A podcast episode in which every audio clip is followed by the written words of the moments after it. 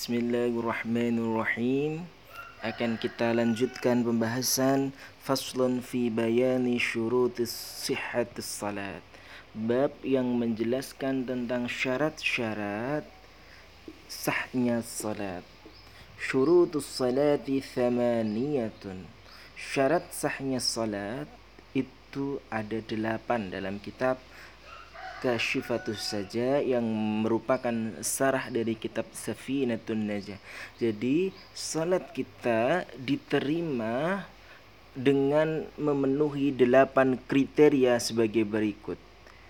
Toharatul hadatsaini yang pertama Salat kita masuk kategori salat yang diterima ketika kita pada waktu melaksanakan salat tersebut terbebas dari dua hadas baik dari hadas kecil maupun dari hadas besar.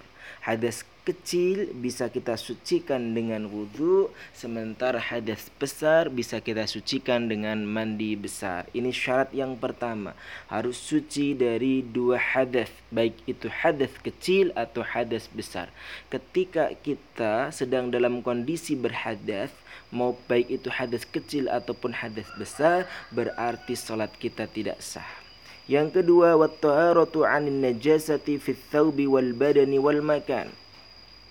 Suci dari najis tempat di mana kita melakukan salat pakaian yang kita gunakan untuk sholat dan badan yang kita gunakan ketika kita sholat. Ini adalah syarat kedua. Jadi tempat kita melakukan sholat, anggota badan ketika kita hendak sholat, berikut pula pakaian-pakaian yang kita gunakan ketika kita sholat harus dalam kondisi suci dari yang namanya najis. Entah itu najis ainiyah maupun najis ghairu ainiyah. Ataupun itu najis yang lainnya.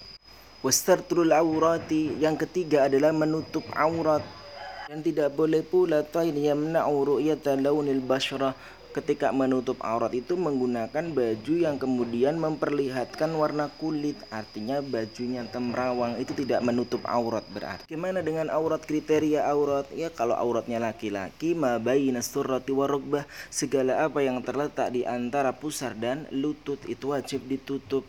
Kemudian kalau perempuan jami'ul badan ilal wajh wal kaffain seluruh anggota badan kecuali muka dan kedua telapak tangan. Ini adalah yang harus ditutup dan harus ditutup sampai jangan tidak ada anggota kulit kita yang harusnya ditutup itu terlihat. Karena apa? Karena kain yang digunakan untuk menutup aurat tersebut bisa menampakkan warna kulit. Wa istiqbalul kiblati yang keempat harus menghadap kiblat. Tidak boleh menghadap ke arah sembarangan. Kalau kita menghendaki bahwa salat kita itu diterima oleh Allah, maka yang menjadi syarat keempat bagaimana kita menghadapkan diri kita menuju ke kiblat. Wadukhulul wakti. Yang kelima adalah masuk waktu salat. Jangan sampai karena saking ingin sholatnya awal waktu belum masuk waktu sholat sudah masuk sholat sudah sholat duluan. Karena saking rajinnya. Ini justru menjadikan sholat itu tidak sah.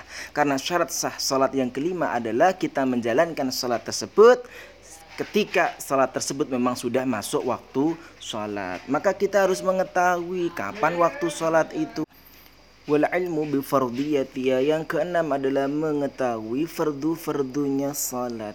Jadi ketika kita melakukan salat tapi tidak mengerti mana yang termasuk fardunya salat mana yang termasuk sunnah dan lain sebagainya itu berarti kita tidak memenuhi syarat diterimanya sah salat.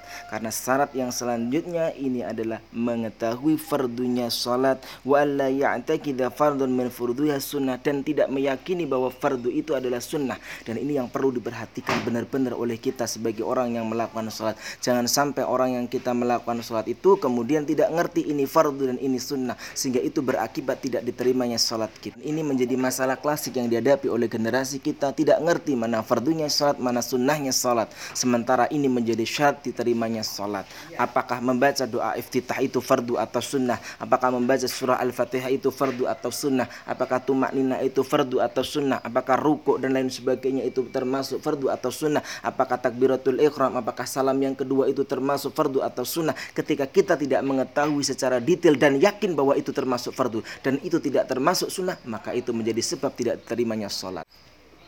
Wajtinabul mubtilat. Jadi yang kedelapan adalah menjauhi segala sesuatu yang membatalkan seperti kata wili ruknin qasirin amdan memperpanjang rukun yang pendek dengan sengaja. Jadi itu adalah kedelapan syarat sah salat. Yang pertama adalah suci dari dua hadas kecil dan besar. Yang kedua, suci pakaian, badan, dan tempat dari berbagai macam najis. Yang ketiga adalah menutup aurat. Yang keempat, menghadap kiblat. Yang kelima adalah masuk waktu solat yang keenam adalah mengetahui fardu-fardunya solat yang ketujuh tidak meyakini bahwa fardu itu adalah sunnah dan begitu juga sebaliknya tidak meyakini bahwa sunnah itu adalah fardu. Sementara yang kedelapan adalah menjauhi segala sesuatu yang membatalkan solat jadi kita harus benar-benar memperhatikan kedelapan hal ini. Apakah ketika kita mau sholat itu sudah benar-benar menjadi orang-orang yang memperhatikan apakah diri kita itu terbebas dari hadas kecil atau hadas besar. Apakah kita termasuk bagian dari orang-orang yang memperhatikan bagaimana tempat kita melakukan sholat. Bagaimana pakaian yang kita gunakan untuk sholat. Bagaimana badan kita ini. Apakah terbebas dari yang namanya najis. Apakah kita benar-benar memperhatikan kapan waktu masuk sholatnya? Apakah kita memperhatikan betul-betul aurat kita yang tertutup ini ataukah ada anggota aurat yang harus ditutup ini yang terbuka?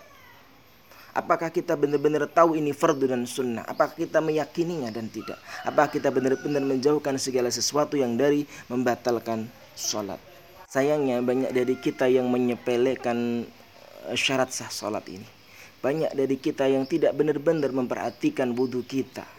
Bagi benar memperhatikan kita terbebas dari yang namanya hadas kecil dan hadas besar.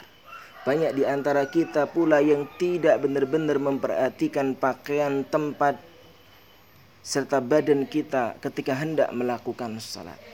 Banyak di antara kita yang benar-benar tidak memperhatikan bagaimana kita menutup aurat.